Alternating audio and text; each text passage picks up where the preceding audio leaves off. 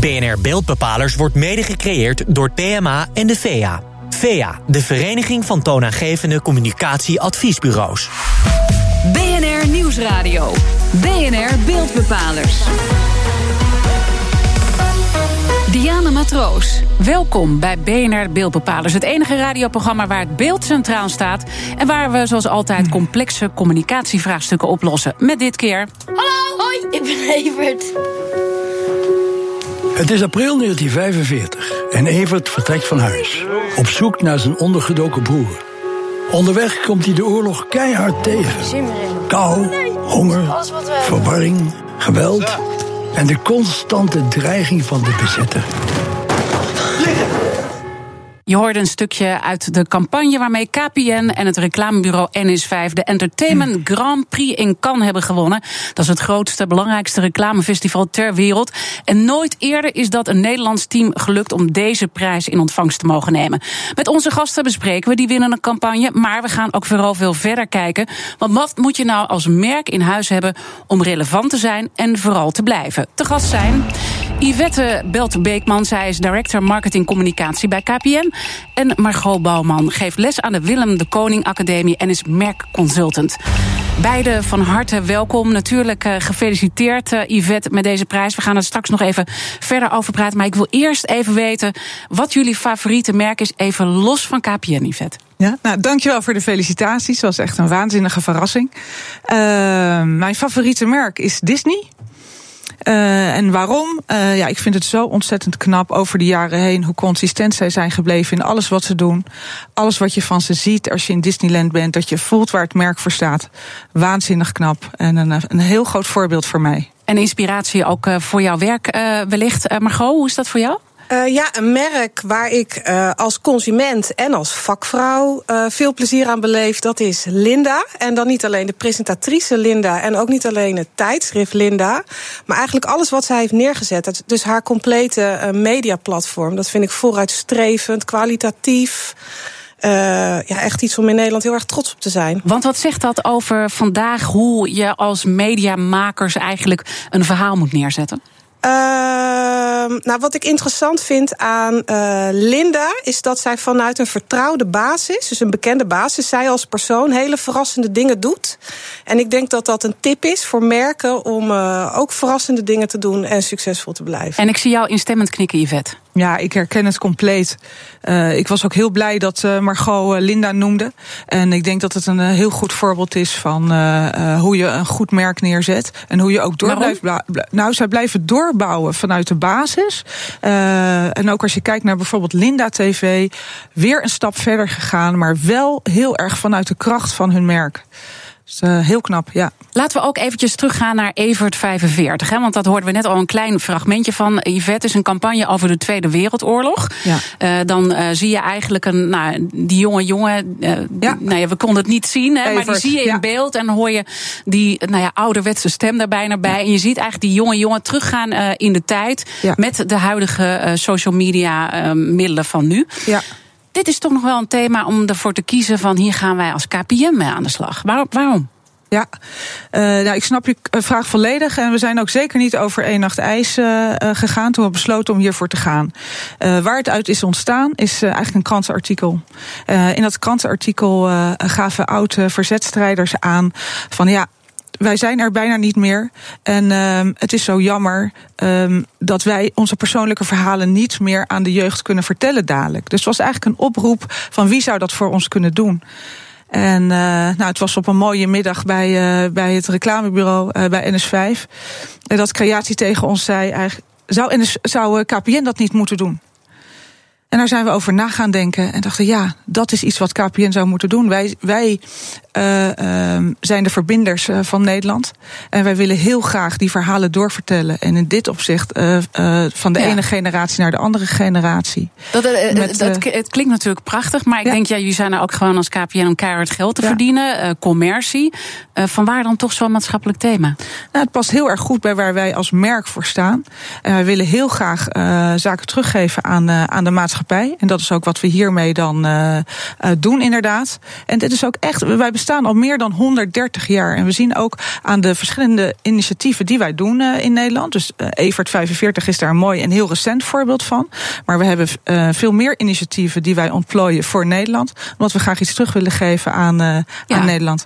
misschien, Margot, mooi om daar even op in te haken. Want is het zo dat je er wat aan hebt als merk om iets terug te geven aan de maatschappij? Zie je het vaker gebeuren? En je ziet het zeker vaker gebeuren. Het is ook wel een trend. En uh, ik lees ook interviews met vakgenoten, internationale vakgenoten, of blogs van uh, mensen die beweren dat je het ook nodig hebt. Dus dat mensen uh, je de, dat je de gunfactor krijgt als merk en je daardoor een grotere kans hebt op succes. Dus een mooie imago of hogere verkoop.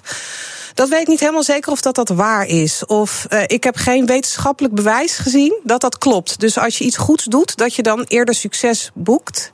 Maar wat ik wel uh, vind, weet je, merken nemen best wel veel van ons. Weet je, dus ze kapen, zou je het heel onerbiedig kunnen zeggen, onze aandacht. Ze kapen met hun reclameuitingen soms ook wel uh, de publieke ruimte. En ik doe daar als reclamemaker of merkconsultant natuurlijk ontzettend aan mee. Maar ik vind het dan ook goed om, als je dat van jezelf beseft en je hebt macht, je hebt bereik, je hebt budget om dan iets terug te geven. Dus eigenlijk je, een verantwoordelijkheid. Een verantwoordelijkheid meer dan een noodzaak. Maar het zou wel kunnen veranderen. Ja. Dus dat die noodzaak wel gaat ontstaan. Voelden jullie die verantwoordelijkheid? Wij voelden zeker manier? verantwoordelijkheid. En het is natuurlijk niet zo dat altijd, uh, de verschillende zaken die je als, als bedrijf op kan pakken, zomaar altijd doet. We vinden het heel erg belangrijk dat wat wij doen authentiek is en past bij het merk. Ik denk ook dat dat de enige manier is om ook geloofwaardig te zijn. En dat de consument ook denkt, ja, ik snap dat KPN dat doet. Wat en is dan wel de doen. achterliggende gedachte dat je hoopt dat ze dan uh, meer nou ja, bij je gaan afnemen? Nou, ik, ik hoop vooral, nou, heel eerlijk, mijn heel eerlijke antwoord is hierop dat ik heel graag wil dat heel Nederland weer van KPN gaat houden. En ik geloof als je daarbij initiatieven ontplooit die heel mm -hmm. erg dicht bij je merk passen. En, en nog belangrijker, dat, ons, dat de consument vindt dat het bij ons past. En dat mensen dan meer van ons gaat houden, gaan houden, ja, heel graag. Ja, maar er zijn natuurlijk opties hè, hoe je zoiets kan aanpakken. Als ja. je echt zegt van nou, we willen maatschappelijk relevant zijn, we willen iets ja. teruggeven aan de maatschappij. We weten allemaal uh, dat in reclamegeld, hè, we hoorden net al eventjes in het overzicht, heel heel veel geld in omgaat. Want dat blijft dus ook uh, stabiel, hoorden we net in het nieuwsoverzicht. Uh, um, ja, is het dan uh, ook niet iets dat je het ergens anders vandaan zou kunnen halen? Dat je zou kunnen zeggen, we geven geld aan het Verzetsmuseum bijvoorbeeld. Als we dit echt zo belangrijk vinden. nou, dat, dat zou een idee kunnen zijn. Ik denk dat je altijd moet kijken dat je het op de juiste manier doet. En dat je wel kijkt, en dat is wat ik net bedoelde met authentiek blijven aan datgene wat je doet. Dat je vanuit de kracht van het merk en het bedrijf uh, die initiatieven ontplooit. Dus als je kijkt naar onze dienstverlening, klopt dit heel erg goed bij ons. En door zomaar geld te geven, ja, dan is het ook niet logisch. En dit was heel erg logisch, omdat wij, uh, wij verbinden mensen, wij, wij zorgen voor de internetverbindingen. En wij zorgen ook dat Evert als vlogger uh, de verhalen van vroeger kon vertellen. Ja, en dan klopt het. Ja, want dat kunnen mensen nu niet zien. Hè, maar je ziet in ieder ja. geval ook dat social media een belangrijk onderdeel is van dit verhaal. Uh, ook wel interessant is dat jullie wel echt ook met een PR-campagne zijn begonnen om überhaupt ja. dit te laden. Dus het was ook een andere opbouw uh, voor jullie dan andere commercials. Ja. Uh, absoluut. We hebben de campagne opgebouwd in drie fases. Waarbij we het belangrijk vonden in eerste instantie om het vooral in PR aan te jagen. Waarom? Omdat wij met onze campagne in eerste instantie de jeugd gingen aanspreken. We gingen de verhalen vertellen met Evert aan jongeren. Maar we vonden het heel belangrijk om aan de jeugd, aan de, aan, aan de volwassenen te vertellen uh, waarom we dat gingen doen. Dus dat hebben we uh, door middel van een PR-aanpak gedaan. Nou, vervolgens hebben we de vlogs van Evert live gezet. Nou, ik zou iedereen willen uitnodigen om daar nog een keer naar te kijken. Die staan allemaal op YouTube te vinden onder Evert 45. Nou, en dat was onze belangrijkste doelstelling om die verhalen door te vertellen. Ja, maar nou. vind, je, vind je dit een goede strategie? Dat ze dit helemaal eigenlijk hebben verantwoord dat ze het op deze manier in de markt gingen zetten? Ja, je ziet trouwens ook uh, dat, weet je, in Cannes, waar die mooie prijs is gewonnen, mm -hmm. worden regelmatig uh, onderzoeken gedaan naar wat succesfactoren zijn voor campagnes. En je ziet dan steeds vaker dat een sterk, sterke PR-component belangrijk is. Maar daarnaast vind ik het belangrijk, ook uh, op jouw vraag net, je had ook geld kunnen doneren of geven ja. aan het Verzetsmuseum. Weet je, door het op deze manier te doen, heeft uh, KPN ook echt aandacht gekregen voor uh, die Tweede Wereldoorlog verhalen. Dat vind ik heel interessant aan, aan deze case straks. Heb je nou uiteindelijk genoeg aan een goed verhaal om als merk relevant te blijven? BNR Nieuwsradio. BNR Beeldbepalers. Welkom terug bij BNR Beeldbepalers. We hebben het dit keer over merkstrategie en hoe belangrijk dat is om ook in de toekomst succesvol te blijven. En ook uh, nou ja, hoe je dat een beetje kan aanpassen onderweg en hoe marketingbudgetten eigenlijk anders aangewend worden. Dat bespreken met onze gasten. Yvette Belt-Beekman, zij is director marketing communicatie bij KPN. En Margot Bouwman, zij is merkconsultant. Yvette, we hadden het net al eventjes over uh, Evert 45, hè, die campagne over de Tweede Wereldoorlog, die die grote prijs in Cannes heeft gewonnen. Uh, net even in de break bespraken we ook dat het best wel spannend voor jullie als KPN was om dit echt door te zetten, deze campagne. Waar zat dat in? Ja, het was heel spannend. En dat heeft er alles mee te maken dat het onderwerp oorlog natuurlijk heel erg gevoelig ligt. Dus we zijn heel erg zorgvuldig te werk gegaan. Enerzijds om te kijken van hoe gaan we dat dan precies doen. Dus we hebben dat uh, afgestemd met, uh, met ouderen, met kinderen, met leraars. Dat we het verhaal goed zouden brengen. Maar dat is spannend. Uh, en, maar dat zien we eigenlijk in de communicatie van alle maatschappelijke initiatieven die we doen. We hebben ook een klassencontact, waarbij we langdurig zieke kinderen verbinden met, uh, met hun klas bijvoorbeeld. Mm -hmm. uh, dat we de groenste provider zijn bijvoorbeeld. Dat zijn onderwerpen die we vroeger niet zo makkelijk uh, massamediaal communiceerde. En dat doen we eigenlijk sinds twee jaar wel. En is dat dan omdat uh, men dan toch zoiets heeft... joh, KPN zit er alleen maar om het geld te verdienen. Uh, hoe geloofwaardig is dit hele verhaal? Nou, het heeft eigenlijk met, met twee zaken te maken. Ik denk ook zeker met wat, wat, je, wat je nu aangeeft, het, het commerciële aspect. Maar ik denk dat de Nederlander aan zich... en KPN is natuurlijk echt Nederlands bedrijf... we zijn best wel bescheiden. En soms een beetje te bescheiden in de dingen die we doen. Ja. Dat we dat moeilijk vinden. Omdat we zeggen, nou, wij hebben dat gedaan... en daar zijn we eigenlijk heel trots op. Maar dat is, daar waren we best wel een beetje zenuwachtig over. Want wij zijn echt waanzinnig trots op al die initiatieven. Maar dan ook wel dat denken, oh ja, weet je wel, kunnen, we, dat dan wel, kunnen we dat dan wel vertellen? Maar gewoon, we hebben het ook over, even, laten we het ook even breder trekken dan die Evert-campagne natuurlijk. Hè, van hoe moet je nou je marketingbudget gaan inzetten en moet je accenten anders gaan leggen om echt goed aan te komen met je boodschap en met je merk. Hoe, hoe kijk jij daarnaar? Uh, nou, ik vond het heel interessant hoe jij volgens mij nog voor het nieuws... Uh, met wat voor berichtje jij uh, deze, deze uitzending aankondigt. Dat is een onderzoek waar ik ook veel naar verwijs... en waar ik ook veel vanuit, vaak vanuit ga bij de start van een nieuwe strategie. Uit onderzoek blijkt dat mensen die slapen... een hogere hersenactiviteit hebben dan mensen die reclame verwerken tot zich nemen. En dat geldt zelfs voor de wat interactievere vormen van reclame. Hoe dus, kan dat?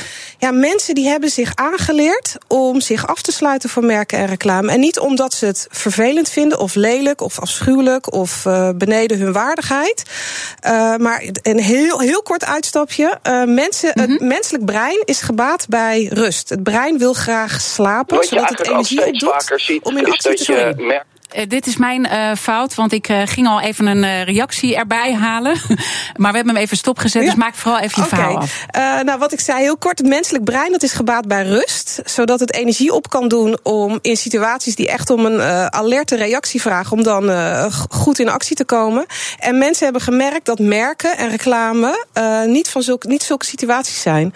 Dus als zij iets coderen als merkboodschap... dan blijft dat brein een beetje slapen. Dan blijft het brein eigenlijk in een soort status quo-modus, en, en, en, daarom is het dus heel handig om dus die strategie, die merkstrategie, ja, anders ja, uit te bouwen. Dus je kan dan kiezen voor uh, onderwerpen die in de samenleving heel erg relevant zijn, om daarop mee te liften, want dat trekt de aandacht. En wat je ook steeds meer ziet, en dat is ook iets dat uit de wetenschap komt, het helpt heel erg als je boodschappen, en dat heeft KPN vind ik ook goed gedaan, een beetje ongewoon gewoon maakt. Dus als je een combinatie maakt van iets dat mensen kennen en iets dat heel erg vreemd is, of weird normal. En, en wat was dat dan in dit geval? Nou, oorlogsverhalen in, op verschillende niveaus zit het. Uh, oorlogsverhalen via social media. Daarvan denk je op een heel. Dus de campagne zit veel knapper in elkaar. Maar op een heel oppervlakkig niveau denk je. Wat gebeurt hier? Dat kan helemaal niet.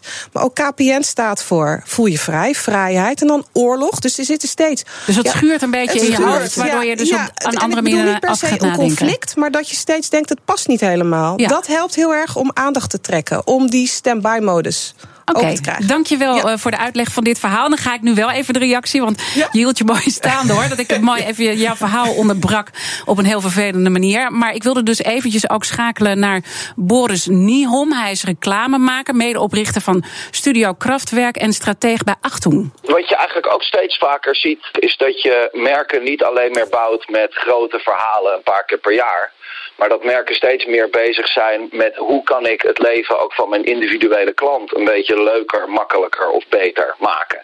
En dat heeft dus niet zoveel te maken met alleen maar het grote verhaal dat je vertelt, maar vooral hoe je iedere dag een ervaring kan bieden met behulp van digitale producten en diensten, met behulp van technologie, die het leven van de individuele consument of persoon leuker, beter of makkelijker maakt. Ja, hij zegt eigenlijk dat verhaal vertellen is niet meer genoeg. Dat geldt uh, volgens hem vooral voor bedrijven die ook echt op die manier iets kunnen betekenen voor hun klanten en die mogelijkheid hebben om een relatie op te bouwen. Uh, Margot, herken je dit? Een goed verhaal vertellen is niet genoeg? Uh, nou, soms ik moet eerlijk zeggen, soms is een uh, groot verhaal wellen, uh, vertellen uh, wel goed genoeg. Ik vind het interessant. Yvette verwees net in, naar Disney, wat een mooi merk is. Want dus Disney kan heel goed hele mooie verhalen vertellen zonder dat ik daar iets mee hoef te, hoef te doen, digitaal of op wat voor manier dan ook. Maar wat Boris zegt is wel heel waar. Weet je, op die manier kun je wel relevantie creëren. Dus dat is een manier om door die stand-by-modus van mensen heen te gaan.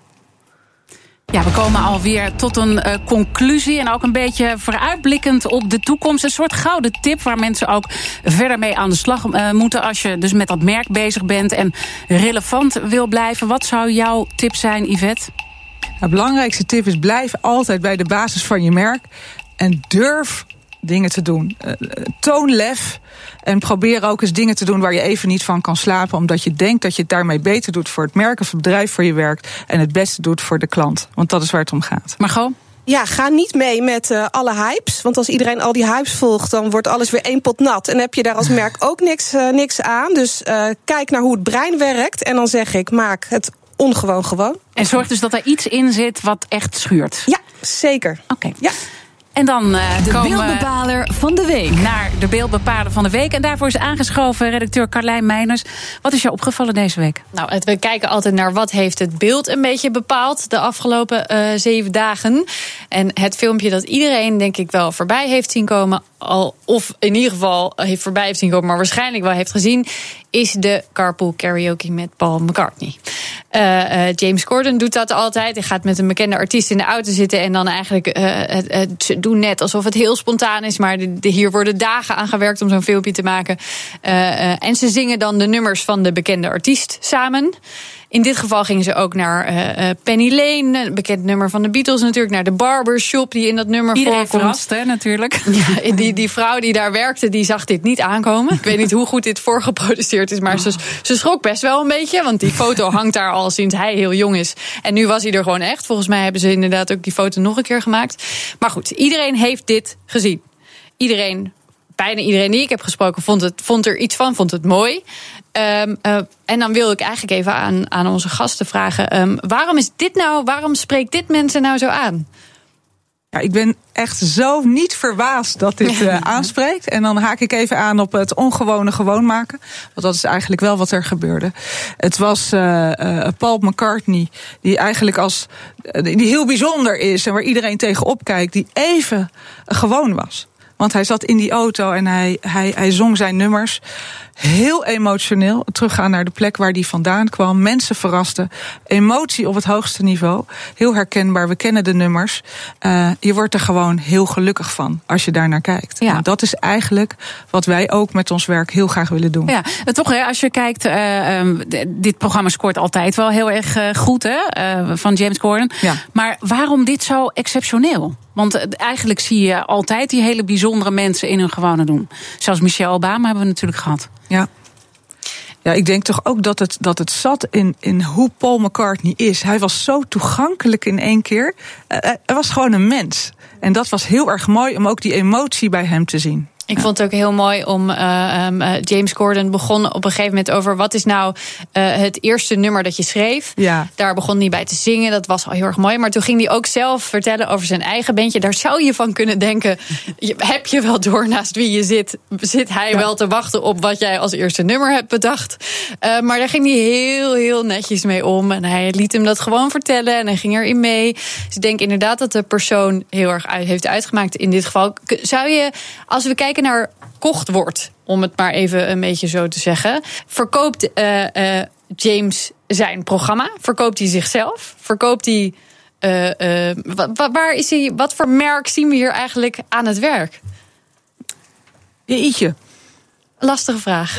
Ja, ik zie niet zozeer een merk uh, uh, hier. Ik zie hier uh, bijna televisie maken op het hoogste niveau. Dus dit is los van verkoop eigenlijk? Ja, dit is echt puur entertainment. Nou ja, als je even kijkt wat je net zei. Je zei van, uh, als ik er naar kijk, dat is ook wat wij heel graag willen als, als makers. En, en ja. nou ja, dus vanuit KPN ja. en nu dus ook die mooie, mooie prijs gewonnen. Wat is het dan uh, wat jou triggert in het, hoe zij dat gemaakt hebben... waarvan je denkt, hé, hey, dit is wat wij ook aan het doen zijn? Nou, je, je raakt mensen je maakt iets voor ze wat mensen heel graag willen zien, waar ze geraakt worden, maar waar ze ook heel erg gelukkig van worden. Mm -hmm. En dat is denk ik wat er, hier, uh, wat er hier zo goed gebeurde. En ik denk dat geen van de mensen die ermee bezig waren echt om een, om een merk te verkopen, maar om echt te laten zien wie Paul McCartney is en het heel toegankelijk te maken. En als je dan de relatie trekt met uh, uh, KPN, is het het vertellen van verhalen, vertellen waar, waar wij zelf voor staan, is dat ook, zit dat ook op het raken van mensen en het, wat Boris net ook zei, het leven leuker, vrijer makkelijker maken. Ja, dus toch dat, dat gelukkig uh, maken. Gelukkig en ook gevoel. eigenlijk als je kijkt naar Disney, wat jij als Ja. een voorbeeld Ja. ziet van. Ja. Die zijn natuurlijk ook uh, bezig om je gelukkig te maken. Is dat een bredere tendens die jij ziet, uh, Margot? Dat het gaat over gelukkig maken? Uh, jeetje. Nou, ik zie dat niet als een hele brede tendens. Uh, het is wel dat natuurlijk in een wereld waar van alles aan de hand is. en mensen zich misschien wat onveilig voelen. dat. Uh, geluk dan een nog groter goed wordt. Dus die uh, zo'n emotie raakt. Maar je ziet, wat als ik een tendens moet noemen, je ziet dat mensen, en dat wordt ook beaamd door uh, trendbureaus. Mensen willen weer wat meer verrast worden. Weet je, waar we vroeger. We, komen uit een, uit een tijd van authenticiteit. Ik hou van Holland, lokale producten. Dat is nog steeds belangrijk. Maar mensen willen nu weer impulsen en verrassingen en onverwachte dingen meemaken. Mooi om het daarmee te beëindigen, deze uitzending. Dank aan mijn gasten natuurlijk, dank Carlijn Meinders, maar mijn gasten ook Yvette Belt-Beekman. Zij is Director Marketing Communicatie bij KPN. En Margot Bouwman, merkconsultant. Dit was alweer BNR Beeldbepalers. Terugluisteren kan via de site, de app, iTunes of Spotify. Mijn naam is Diana Matroos. Tot volgende week. BNR Beeldbepalers wordt mede gecreëerd door de VEA en PMA.